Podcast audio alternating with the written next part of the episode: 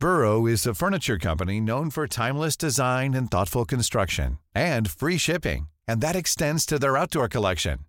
Their outdoor furniture is built to withstand the elements, featuring rust-proof stainless steel hardware, weather-ready teak, and quick-dry foam cushions.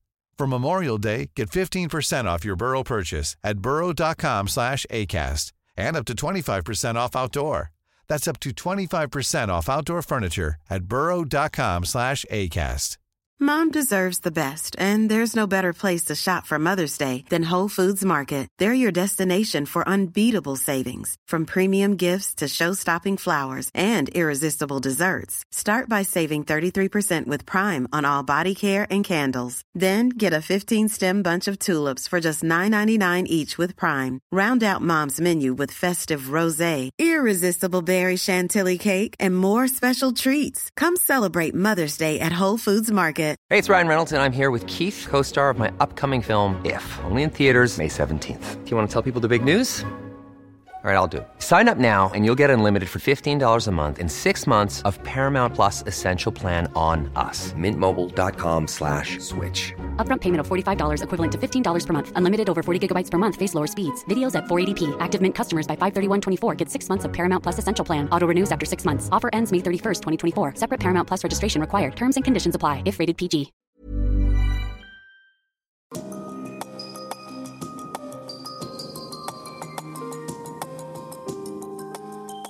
Du lytter til podkast fra Oslo Militære Samfunn. Besøk vår hjemmeside oslomildsamfunn.no, og se oss også på Facebook, Twitter og LinkedIn. Tusen takk skal du ha, generaler, admiraler og kjære, gode venner. Eh, Jeg må jo bare si, som jeg sa da jeg kom inn, at jeg er ganske imponert over at dere faktisk klarer å holde møter på nesten vanlig måte i OMS. Eh, Selv om pandemien eh, legger ganske sterke begrensninger på det meste vi gjør om dagen, så er det ingen tvil om at dette er og forblir en av landets aller viktigste sikkerhetspolitiske talerstoler. Så det at dere, at dere samles, eh, selvfølgelig under strenge regler som alt vi gjør for tida, det er, eh, det er veldig, veldig fint. Så kan jeg også fortelle at eh, dette her ser ut som et ganske normalt oppsett sammenligna med det vi driver med i regjeringa om dagen. Der sitter vi da med to meters avstand, og det ser ut som vi har hver vår skriftlige eksamen. Vi har hvert vårt skrivebord hver vår te- og kaffekanne, hver vår søppelbøtte. Og alt liksom som, Det ser ut som vi har eksamen. Så det, dette er en kjærkommen avveksling, kan jeg fortelle, kan jeg fortelle dere. Jeg har jo eh, vært her mange ganger før og hatt gleden av å snakke om eh, det som de aller fleste kanskje ikke forbinder med gledelige temaer av og til, men eh, hele spennet fra trusler i øst og sør til Syria, Afghanistan, Nord-Atlanteren, endringer i Nato, innretning av langtidsplaner osv. osv. Og jeg har da ikke tenkt til å bruke denne anledninga til å gjenta tidligere foredrag, men eh, snakke om det som jeg opplever som noen av de eh, store altså, temaene på dagsordenen nå, og kanskje særlig knytta til det transatlantiske og til USA, som er selvfølgelig ekstra interessant å snakke om akkurat nå. Så vet jo dere bedre enn de fleste at sikkerhetspolitikken i sin natur handler ganske mye om geografi. Det er som flere har sagt, Geografien er egentlig den eneste rammebetingelsen du ikke kan komme deg unna som land. Eh, på noen måte. Men jeg vil nok si at på ganske kort tid så er det jo helt andre temaer som har kommet i forgrunnen. Vi snakker om pandemi, om resesjon, om stormaktsrivalisering og ikke minst nedbygging av multilateralt samarbeid. Så verden står midt i relativt omfattende endringer. Eh, og også sikkerhetspolitikken til noen av våre nærmeste er i en viss bevegelse. Så det jeg har tenkt å snakke om i dag, er dette. eh, Men da også hvordan vi tar vare på og utvikler forholdet til vår nærmeste allierte USA i denne tida og fremover. Jeg var her 30.9. i fjor, så det er, jeg vil si det er nokså jeg vil ikke si vi kan stille klokka etter det, men det er ikke så langt unna at det kommer med nokså stor grad av regelmessighet. Men da vi var samla her i fjor, så tror jeg ingen av oss hadde sett for oss at det var akkurat det her som skulle prege dagen når vi kom ett år fram i tid. Vi befinner oss altså i den verste krisen siden andre verdenskrig.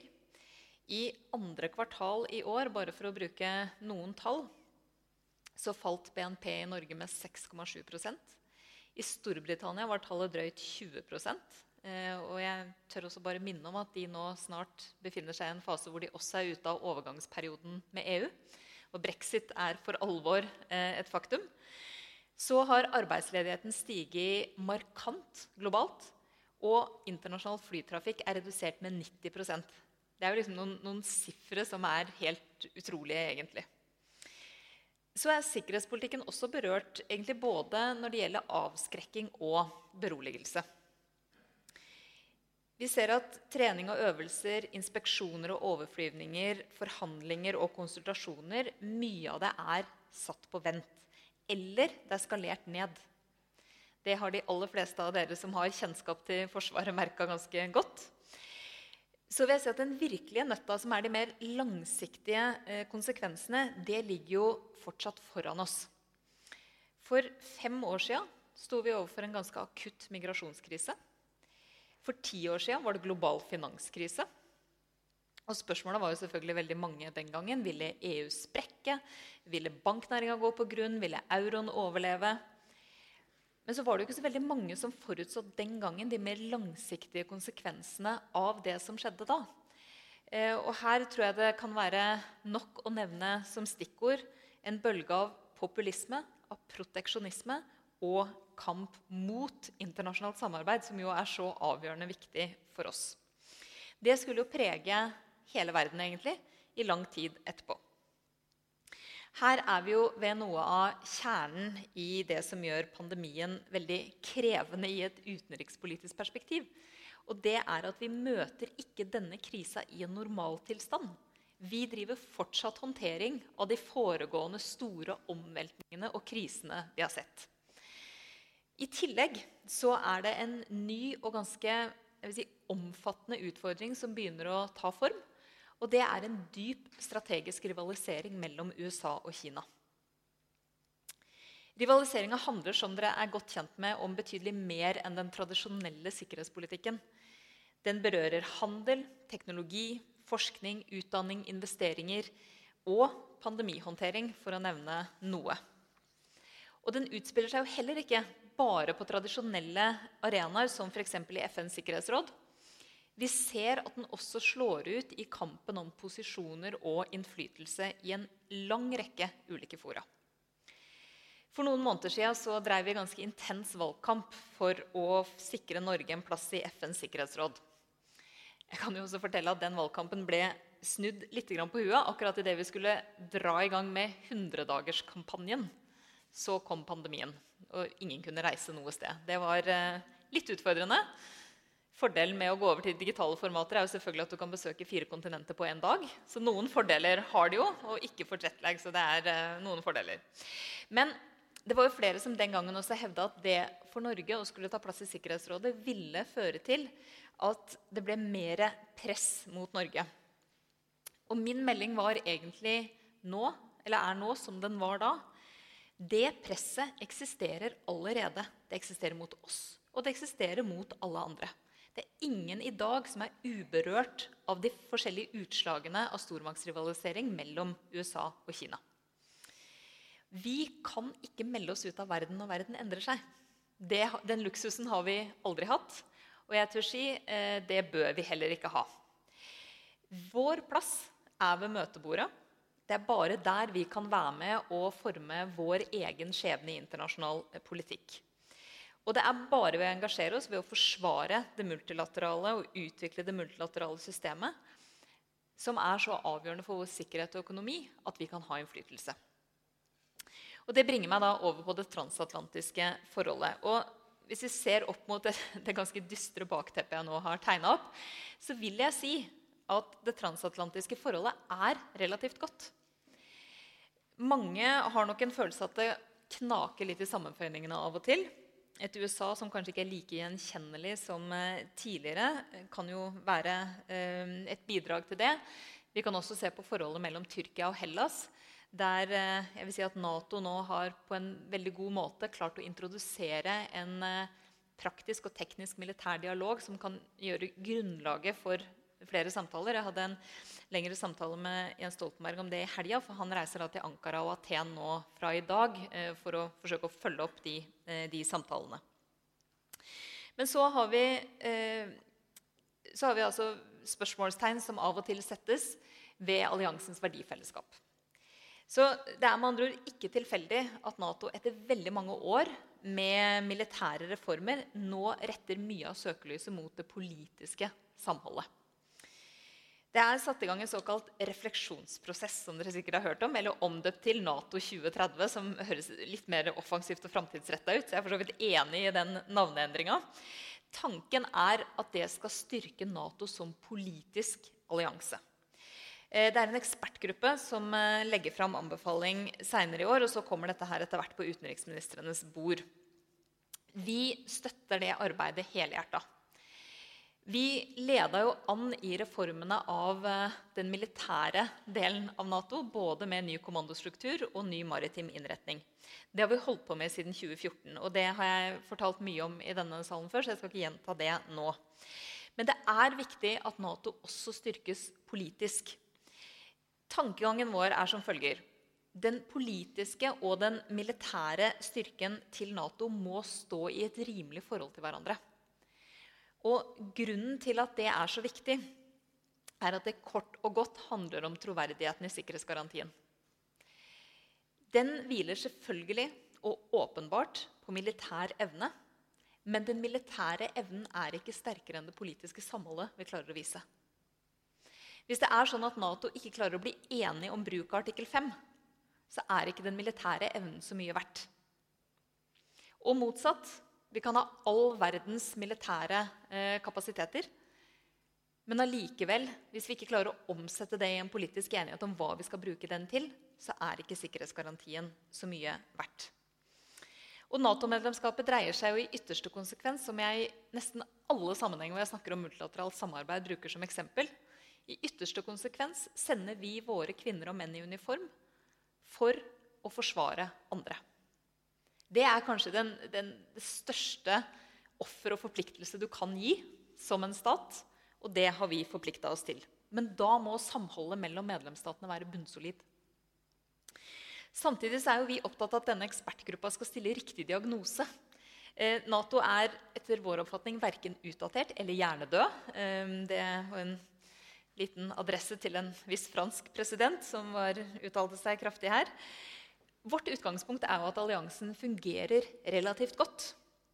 Fortellinga om Nato som har blitt større, eh, mer mangfoldig, har også ganske mange viktige nyanser som jeg syns blir borte i diskusjonen veldig ofte. I motsetning til hva veldig mange antar, så er det altså ikke de nye medlemslandene, altså utvidelsen, som har skapt nye, store skillelinjer. Fortsatt er det sånn at det er de gamle Nato-medlemmene som skaper problemer, for å si det eh, som det er. Det er de som ofte blokkerer for hverandre, og det er der vi ser utfordringene. Nato har jo holdt fast ved det helt grunnleggende konsensusprinsippet. Det tror jeg det er all grunn til å forvente at også kommer til å fortsette å være der. Samtidig, og, og har vist liksom mye tålmodighet med hverandre. Men samtidig så vil jeg ikke bli overraska om det kommer etter hvert i Nato eh, mekanismer som gjør at det er begrensa hvor lenge et land kan få blokkere en beslutning igjen og igjen og igjen, år etter år. Det kanskje mest, eh, si, De mest prominente eksemplene vi har nå for tida, er jo at Ungarn har blokkert møter i Nato-Ukraina-rådet i eh, ja, to og et halvt, tre år pga. uenighet om en minoritetsspråklov i, eh, i Ukraina. Det er klart at det hemmer Natos arbeid på viktige områder. Det andre er at Nato er ekstremt omstillingsdyktig. Styrkinga av det kollektive forsvaret siden 2014 har etter min oppfatning vært imponerende.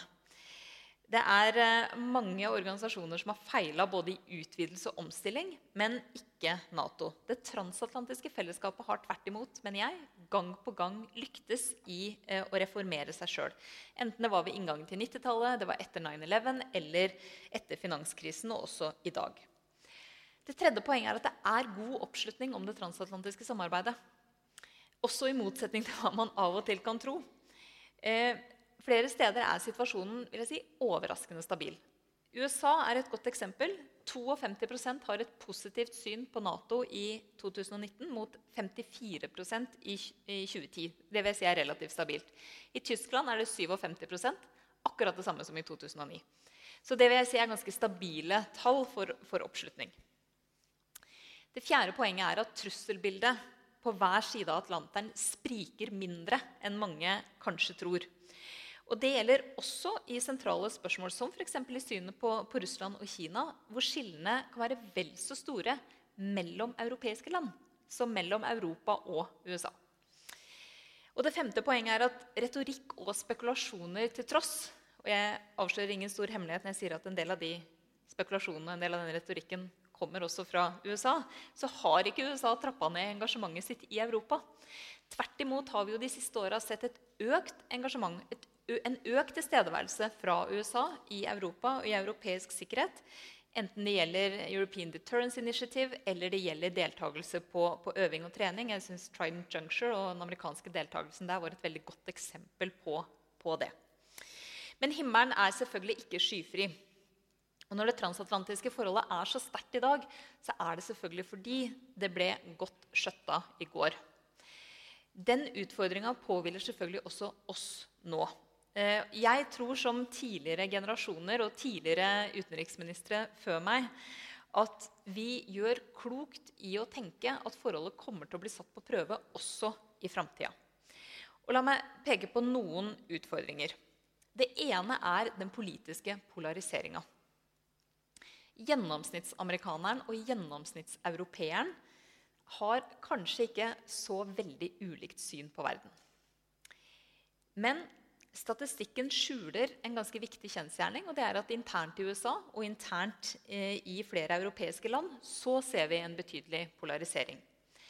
De siste 20 åra viser all statistikk at forskjellene mellom republikanere og demokrater har blitt større og større. De blir enige om færre og færre ting. Det meste er politisert og polarisert. Vi ser også at det er polarisering i flere sentrale Nato-land som gjør at vi kan få raskere og jeg vil si, mer omfattende skifter i sikkerhetspolitikken i forbindelse med valg.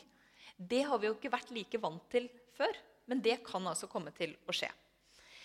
Vi eh, har, eh, si, vi har erfaring med at eh, det kan skje i mindre medlemsland. Men vi har ikke like mye erfaring med at det kan skje i store og modne demokratier. For det andre Rivaliseringa mellom USA og Kina kommer til å vare. Den er dyp, den er strategisk, og den handler ikke om partipolitiske skillelinjer. Det er jo faktisk da et av de få temaene som forener republikanere og demokrater i USA. Så er det å holde en veldig jeg vil si, spiss linje overfor Kina, konfrontere Kina. Og der mener både Biden og Trump det samme. Kanskje med litt ulike ord, kanskje med litt ulik innretning. Men prinsippet er og forblir det samme. Utfordringa for oss i den transatlantiske familien er at den rivaliseringa også berører områder som mange ikke tenker på i tradisjonell sikkerhetspolitisk forstand.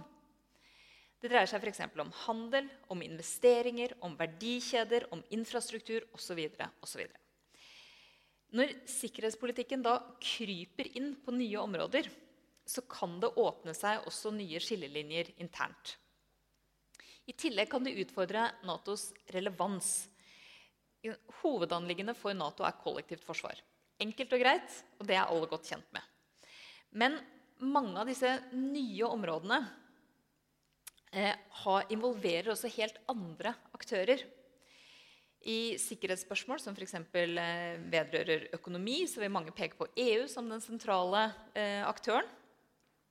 Men nå, både nå og etter brexit så kan man si at EU dekker jo bare ca. halvparten av Natos medlemsland. Så kanskje ikke EU er den riktige adressaten på alt. Andre kommer til å foretrekke at den type saker håndteres, håndteres rent bilateralt. Med andre ord, Det er en risiko for at deler av sikkerhetspolitikken flytter seg ut til arenaer der Norge ikke har en plass ved bordet. Og Det tror jeg det er verdt å reflektere litt over, nettopp fordi det antar nye former. For det tredje så må USA også prioritere tøffere. Dels gjør de det for å matche et Kina som fortsetter sin økonomiske og militære opphenting. Eh, dels fordi ressursene er begrensa.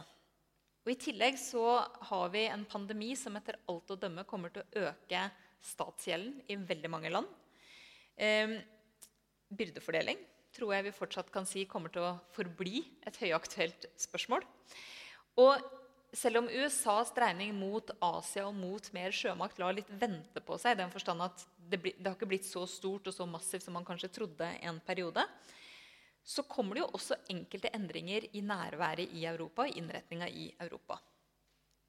Og det fjerde, sist, men ikke minst, hybride trusler, desinformasjon, cyber det gjør også at vi får kortere tidslinjer, og at det av og til kan være vanskelig å identifisere hvem som står bak. Hybride virkemidler er absolutt ikke noe nytt. Alle dere som er her, kjenner godt til at de har eksistert i han er sagt, alle, alle årtier.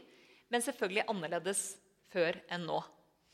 Det som er nytt, er jo at de nå så aktivt brukes for å skape mest mulig usikkerhet i beslutningsprosesser. Det er mye av poenget. Nato skal være usikker på om dette er over eller under terskelen for en artikkel 5-situasjon. Det er hele poenget. Å skape så mye usikkerhet som, som mulig. Vi kommer sannsynligvis i åra framover til å oppleve flere hendelser eh, under terskelen for artikkel 5, eh, Eh, men der Nato allikevel tar sine beslutninger. Burroughs Furniture is built for the way you live. From ensuring easy assembly and disassembly to honoring highly requested new colors for their award-winning seating, they always have their customers in mind. Their modular seating is made out of durable materials to last and grow with you. And with Burrow, you always get fast, free shipping. Get up to 60% off during Burrow's Memorial Day sale at burrow.com slash ACAST. That's burrow.com slash ACAST. burrow.com slash ACAST. Hey, it's Ryan Reynolds, and I'm here with Keith, co star of my upcoming film, If, only in theaters, May 17th. Do you want to tell people the big news? All right, I'll do it. Sign up now and you'll get unlimited for $15 a month in six months of Paramount Plus Essential Plan on us. Mintmobile.com slash switch. Upfront payment of $45 equivalent to $15 per month. Unlimited over 40 gigabytes per month. Face lower speeds. Videos at 480p. Active Mint customers by 531.24 get six months of Paramount Plus Essential Plan. Auto renews after six months. Offer ends May 31st, 2024. Separate Paramount Plus registration required. Terms and conditions apply if rated PG. Så hvordan møter vi så dette? Eh, for å svare på det så kan det være greit å minne oss sjøl på det som er utgangspunktet vårt. Norges og Europas vestvending i 1949 var ikke et blaff. Det var et langsiktig strategisk valg, det var et tydelig verdivalg, og det var en sikkerhetsmessig nødvendighet. Det faller jo ikke bort i krevende tider. Tvert imot så må det jo pleies og tilpasses så det fortsetter å levere. Forholdet til USA har til alle tider med jevne mellomrom vært krevende.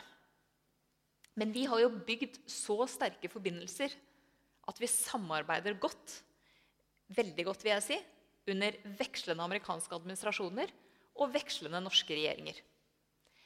Sånn har det vært til alle tider. Det har vært krevende av og til. Men det har også gått veldig bra. Enhver norsk regjering vil jeg si, siden 1949 har møtt akkurat disse utfordringene har lykkes med å finne en god linje som ivaretar forbindelsene over Atlanteren, som ivaretar naboskapet til Russland, og balansen mellom avskrekking og beroligelse. Jeg mener det er en realistisk ambisjon å ha også framover. Men den krever selvfølgelig arbeid, akkurat som den gjorde før. Bilateralt så snakker vi ofte om å styrke forbindelsene til USA. og Det er kanskje en litt misvisende definisjon, fordi forholdet vårt til USA er veldig sterkt. Og det favner veldig bredt. Eh, og jeg vil si at det har noen komponenter som har vist seg å være ekstremt slitesterke. Men for at det skal fortsette å være sånn, så må det oppdateres hele tida. Også i perioder med store endringer som krever ekstra innsats. Og det mener jeg regjeringa har gjort i den perioden vi har sittet i, på samme måte som foregående regjeringer gjorde det i sine perioder. En overordna utfordring de seinere åra har vært at USA på felt hvor vi tradisjonelt har hatt sammenfallende interesser, nå tidvis har valgt en annen linje. Jeg har vært litt inne på det. Det multilaterale samarbeidet er en overbygning for mye av det. Eh, men klimapolitikken og handelspolitikken er to konkrete eksempler på det. Jeg tenker også egentlig på den synkende oppslutninga om forpliktende avtaler og ordninger, som er veldig viktig for tillitsbygging og nedrustning i Europa. Så For å sikre våre interesser så har vi valgt å prioritere de aller viktigste sakene for Norge i det bilaterale forholdet. Det er sikkerhet, det er handel og det er klima. Vi opplever at den framgangsmåten gir god lydhørhet på amerikansk eh, side. Eh, bedre enn vi kanskje kunne forventa på en del områder. Eh, og det har gitt Norge et utrolig godt utgangspunkt for å ivareta interessene våre. Det gjelder jo ikke minst i sikkerhetspolitikken, hvor jeg mener vi i betydelig grad har lykkes med å videreutvikle samarbeidet. Samtidig holder vi fast ved det som er de lange linjene i sikkerhetspolitikken, og som det er veldig brei enighet om her hjemme. Den sikkerhetspolitikken vi fører og har ført, er ramma inn av noen veldig viktige grensestolper. Det er basepolitikken, det er anløpspolitikken, og det er de selvpålagte militære begrensningene. De rammene ligger fast. Men så er det nokså åpenbart at i lys av både teknologisk utvikling og politisk utvikling, så er tolkninga av dette annerledes i dag enn det var i 49. Noe annet ville vært veldig, veldig rart. Men innholdet er det samme, og målet er det samme. Å trygge Norges sikkerhet gjennom avskrekking og beroligelse. Og vi er som alle andre allierte, som jeg syns eh, general Mattis understreka veldig bra i det innlegget han holdt på Army Summit i forrige uke, helt avhengig av allierte forsterkninger i krise eller krig og et velfungerende forsterkningskonsept med øving og trening i fredstid er fortsatt vårt beste alternativ til utenlandske baser på norsk jord. Det er som Mattis sa det så tydelig, Jeg vet ikke hvordan jeg skulle klart å forsvare USA uten våre allierte. Det var sikkert flere av dere som var inne og så på og hørte på, vil jeg tro. Det gjorde jeg også, nemlig. Det kanskje noe, avslører jeg kanskje ikke noe stor overraskelse. Men vi har altså siden 82 derfor hatt amerikanske forhåndslagre i Trøndelag. Eh, vi øver og trener jevnlig både med USA og våre nærmeste europeiske allierte. Og vi ser jo at Treningsvirksomheten er trappa opp de senere åra. Det er en naturlig konsekvens både av sikkerhetsklimaet og den økte oppmerksomheten rundt kollektivt forsvar. Og nå står vi overfor noen endringer i innretninga på amerikansk side, som dere sikkert har sett, knytta til både Marinekorpsets virksomhet i Norge. Justerer innholdet i forhåndslagrene. Det er også ganske naturlig med tanke på som jeg sa, teknologisk utvikling og andre forhold som, som endrer seg. Og den, også den rotasjonsbaserte treninga endrer seg. Samarbeidet fortsetter med uforminska styrke. Eh, endringene vi ser på amerikansk side, er ikke på noen måte enestående. Hvis vi går tilbake til 50-tallet, så var det US Air Force som var den aller viktigste samarbeidspartneren for det norske forsvaret. De siste tiåra har det vært Marinekorpset. Dette vil endre seg med forskjellige tider. Poenget er bare at samarbeidet er like sterkt uavhengig av hvem man samarbeider tettest med. Forbindelsene er i stadig endring, de oppdateres jevnlig, og vi må legge til rette både for øving og trening, være vertskap og ikke minst sørge for et godt juridisk rammeverk som sikrer både militære behov, men også tilstrekkelig nasjonal kontroll. Og dere har sikkert også sett at Det foregår forhandlinger om oppdatering av den gamle forsvarssamarbeidsavtalen med USA. Eh, det er egentlig vil jeg si, ganske logisk, all den tid den egentlig er forankra i en avtale fra 50-tallet. Sist oppdatert i 2005-2006. Så at den skal oppdateres, er også nokså naturlig. Vi ønsker jo å styrke vår felles sikkerhet i Nato gjennom både økte forsvarsbudsjetter og investeringer, legge til rette for økt mobilitet, økt fleksibilitet og raskere reaksjonsevne og gode kompatible løsninger. Ehm, dette ansvaret er jo noe man tar med basis i de lange linjene i sikkerhetspolitikken. Og vi ser egentlig ganske mange endringer også i Nato. Styrker behovet for kollektivt forsvar. Mange medlemsland har også da erfart at det krever oppdateringer på andre områder. og Et veldig praktisk eksempel på det er militær mobilitet. Der veldig mange land har vært nødt til å gjøre ganske kraftig opprydning i sine reguleringer for at det skal være mulig at personell og utstyr flyter sømløst over grensene. Eh, skynder jeg meg å legge til at Dette har jo fått en helt annen klang etter pandemien. selvfølgelig, Men før pandemien så var det også et stort behov for å gjøre endringer. Fordi det fungerte rett og slett ikke eh, sånn, som, eh, sånn, som, det var.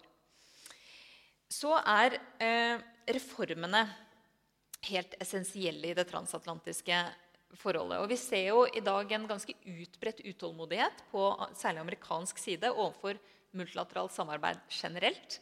Eh, og særlig det som oppleves å ikke levere helt på amerikanske egeninteresser.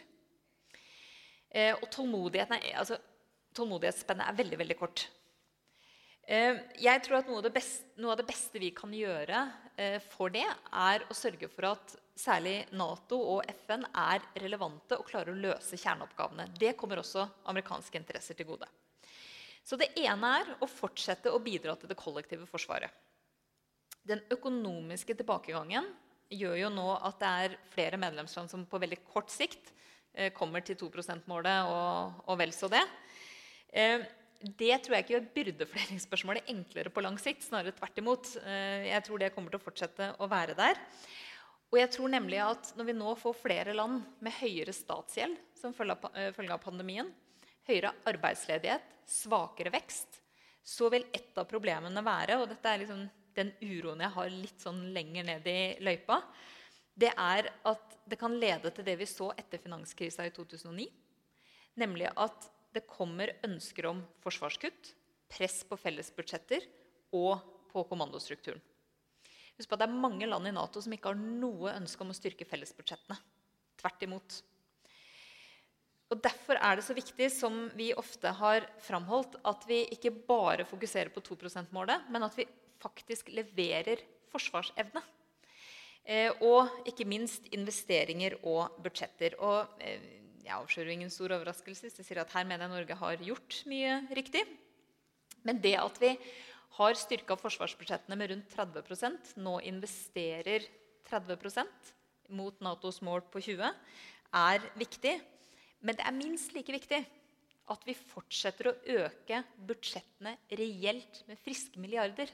Altså At man ikke lener seg tilbake på prosentmålet og sier at ja, ja, men nå som BNP går ned i de fleste land, så vil jo prosenten gå opp. Det skaper jo ikke forsvarsevne. Det som skaper forsvarsevne, er friske penger. Og ikke minst balanse mellom struktur og oppgaver. Og at man dekker den forsvarsspesifikke kostnadsveksten. Det var spesielt til Harald. Eh, spesielt viktig er det selvfølgelig også at vi fortsetter å styrke forsvaret i nord. Vi har jo sett en betydelig militær modernisering på russisk side. Vi ser også nå økt alliert øving og trening i regionen. Det er bra. Det har jo både vi og andre Nato-land ønska i lang tid. Eh, og vi som del av Nato holder selvfølgelig en løpende dialog både med enkeltallierte og Nato som sådan om å opprettholde balansen mellom eh, avskrekking og beroligelse. For det andre så er vi nødt til å bidra til Natos to andre kjerneoppgaver, operasjoner og partnerskap. Akkurat nå er vi jo inne i en periode med færre og mindre omfattende operasjoner. Det kan fort endre seg, så vi må være klare til å kunne bidra når og hvis det endrer seg. Men i mellomtida så må vi også se aktivt etter andre muligheter for samøving, samtrening og interoperabilitet. I partnerskapspolitikken tror jeg ikke mange ser for seg veldig store endringer. Eh, men det er klart at hovedprioriteten vil være land og organisasjoner som har direkte relevans og betydning eh, for euroatlantisk sikkerhet. Og Sverige og Finland er allerede veldig tett knytta til Nato, men også EU som sådan og de EU-landene som ikke er med i Nato. Jeg mener også det er i vår interesse å fortsette å engasjere Russland, selv om diskusjonene i Nato-Russland-rådet ikke er spesielt konstruktive eller produktive akkurat nå. Det tredje og siste punktet er at vi må bidra til et Nato som kan drøfte alle sikkerhetsutfordringer med relevans for medlemslandene.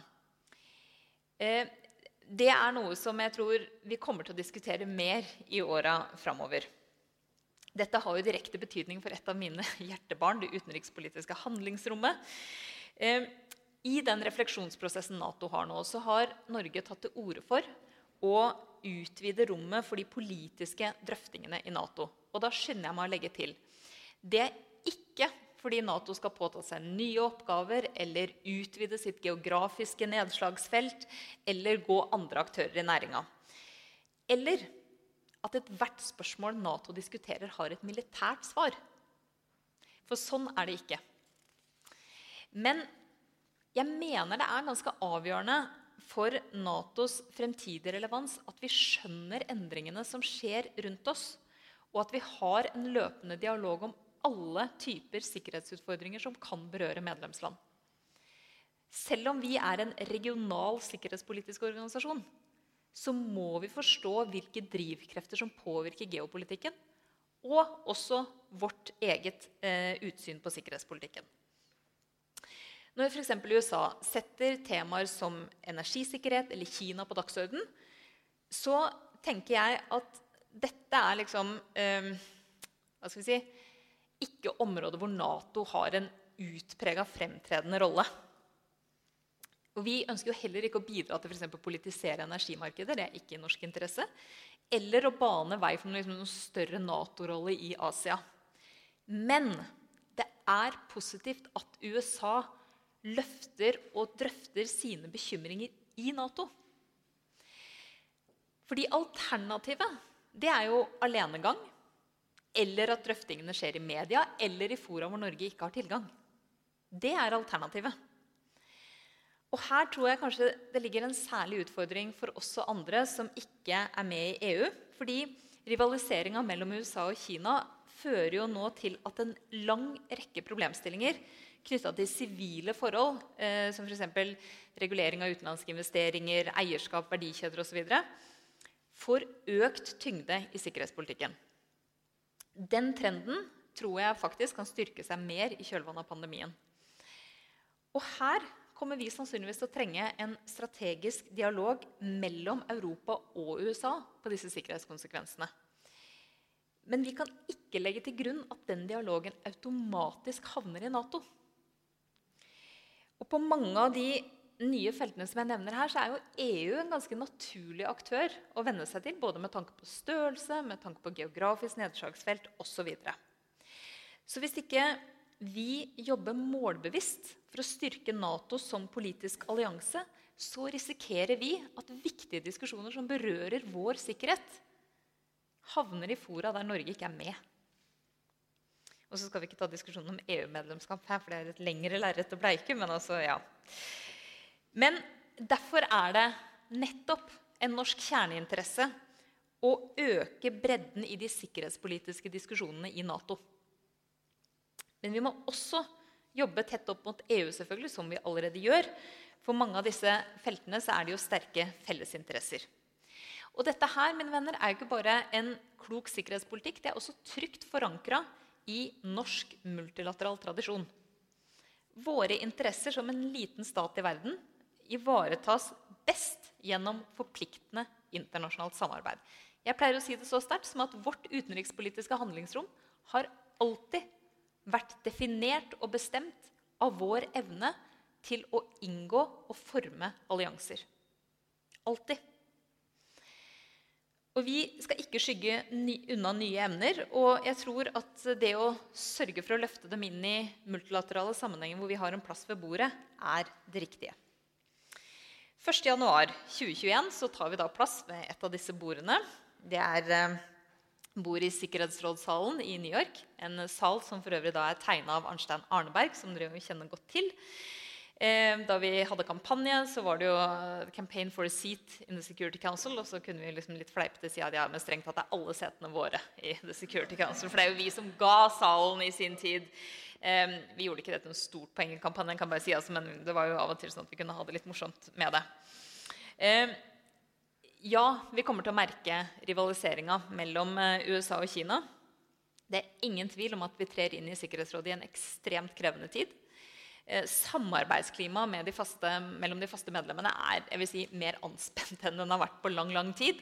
Selv om eh, det også er konsensus i flertallet av sakene Sikkerhetsrådet diskuterer. Og det er jo Noen av dere som har vært, vært i de sammenhengene, vet jo også at det er i hvert fall to sikkerhetsrådsmøter om dagen. Det er et enormt antall saker, eh, og vi skal være inne i alle sammen. Men maktforhold i endring og sterkere rivalisering mellom stormaktene slår jo også ut i mindre vilje til å samarbeide for å løse eh, en del av eh, problemene, søke kompromisser. I Sikkerhetsrådet som på alle andre utenrikspolitiske arenaer så er vår hovedinteresse å ivareta norske interesser. Det betyr ivareta forholdet til nære allierte, som USA. Samarbeid vil være den viktigste plattformen for innflytelse. Så kjenner dere til prioriteringene våre, så jeg skal ikke gå inn i det. Men jeg tenker at et mulig tema for neste års eh, tale kan jo da være Eh, å gå litt i dybden på både Sikkerhetsrådet og eh, disse dynamikkene. Så veit jeg også at det skal være et valg før den tid, men det er klart at jeg er jo ikke Så jeg bare, Men jeg bare tenkte at vi kan bare legge møteplanen nå, og så kan vi se hvordan det går. Eh, for, bare for å si sånn, Vi respekterer uansett utfall av valg her i, her i landet. Så det er sagt. Men eh, før jeg avslutter, jeg bare lyst til å si noen ord om utviklinga i nord og om forholdet til, til Russland. For vi skal Senere i høst legge fram en ny nordområdemelding. Det er den eh, første på ni år. Og ting har forandra seg ganske kraftig på de siste ni åra. Eh, sikkerhetspolitikken ser annerledes ut, utviklinga i nord ser annerledes ut. Eh, vi ønsker en bredt anlagt melding. Det er 15 departementer, dvs. Si alle departementene, som deltar. Og eh, en solid utenriks- og ikke minst sikkerhetspolitisk komponent vil være en viktig del av dette. Vi trenger en oppdatert analyse av situasjonen. Eh, den geopolitiske situasjonen er jo betydelig forandra i løpet av de ni åra. Forholdet mellom Vesten og Russland er fortsatt prega av en mer si, anstrengt sikkerhetspolitisk situasjon. Et betydelig verdi- og interessegap. Samtidig preges også det bilaterale forholdet mellom Norge og Russland av det jeg opplever å være en vilje på begge sider til å finne løsninger på felles utfordringer. Vi hadde en veldig fin markering i Kirkenes i oktober i fjor. Da kom Lavrov på besøk igjen. Han var også på besøk da vi markerte 70 år eh, frigjøringen. Og eh, han var veldig begeistra for å være på besøk eh, for eh, fem år sia.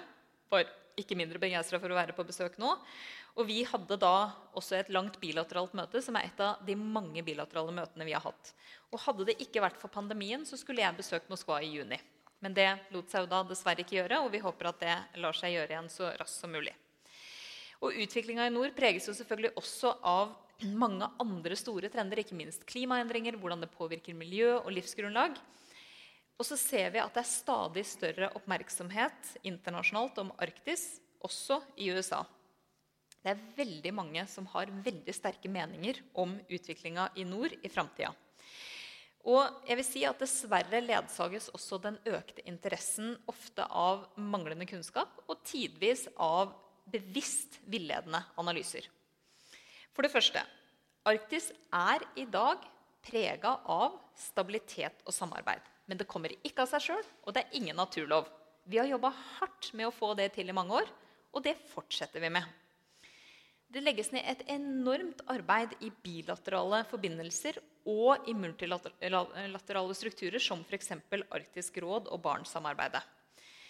Og I Arktisk råd engasjerer både USA og Russland seg veldig konstruktivt. For det andre Arktis er ikke et lovtomt eller uregulert område. Tvert imot. Folkeretten gjelder, og det inkluderer havretten. Det ligger fast, og strukturene for samarbeid ligger fast på en sånn måte at de som nå melder sin interesse i Arktis eh, Og som dere sikkert har hørt, det er ganske mange land langt borte som er near Arctic states. Eh, og mener å ha stor interesse i det som foregår i Arktis. De må innordne seg det rammeverket. Og det er klart sånn at Effekter av f.eks. issmelting gjør jo at det er mange land som tar til orde for at Arktis dermed er et slags sånn globalt fellesanliggende. Eh, og det brukes jo da som en som et argument, et generelt argument for at ikke-arktiske stater skal ha rett til å ta del i forvaltning av Arktis. Det stemmer selvsagt ikke. Vi må hele tida bidra til å korrigere det bildet eh, og vise til de gjeldende folkerettslige strukturer. Og dette er det full enighet om blant alle medlemmene av Arktisk råd. Og sist, men ikke minst, eh, vi har jo en innfallsvinkel til dette som er litt annerledes enn en del eh, land lenger borte. Og nå tenker jeg da på de arktiske statene har en innfallsvinkel. Og det er at vern, ensidig vern er ikke et alternativ. Vi har jo tvert imot i generasjoner klart å finne balansen mellom å ta ut naturressurser og samtidig gjøre det på en bærekraftig måte. La meg bare avslutningsvis vende tilbake til forholdet til USA. Den eh, lange historien om vårt forhold til USA handler jo nettopp om handlingsrom. Forholdet til USA har ikke redusert handlingsrom i norsk utenrikspolitikk. Det har skapt handlingsrom. Vårt grunnleggende sikkerhetspolitiske interessefelt det respekteres, og sikkerhetsgarantien har gitt overskudd i utenrikspolitikken som eh, har gjort at vi i en helt annen grad enn ellers har kunnet ta ansvar ute. I dag er vi på vei inn i et nytt og litt uklart landskap, hvor stormaktsrivalisering ser ut til å få en dominerende plass igjen. Jeg er overbevist om at vårt beste verktøy for å navigere i dette veldig krevende farvannet fortsatt ligger i de euroatlantiske fellesskapene og tett tilknytning til våre nære allierte. Men ingenting av dette kommer gratis. Forholdene må pleies, de må bygges og oppdateres innafor trygge og velprøvde rammer, nå som før. Tusen takk.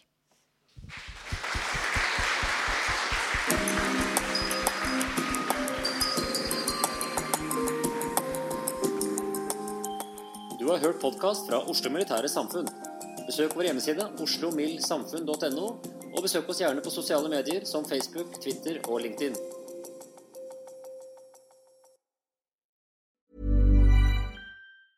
Mom deserves the best, and there's no better place to shop for Mother's Day than Whole Foods Market. They're your destination for unbeatable savings, from premium gifts to show-stopping flowers and irresistible desserts. Start by saving 33% with Prime on all body care and candles. Then get a 15-stem bunch of tulips for just $9.99 each with Prime. Round out Mom's menu with festive rosé, irresistible berry chantilly cake, and more special treats. Come celebrate Mother's Day at Whole Foods Market.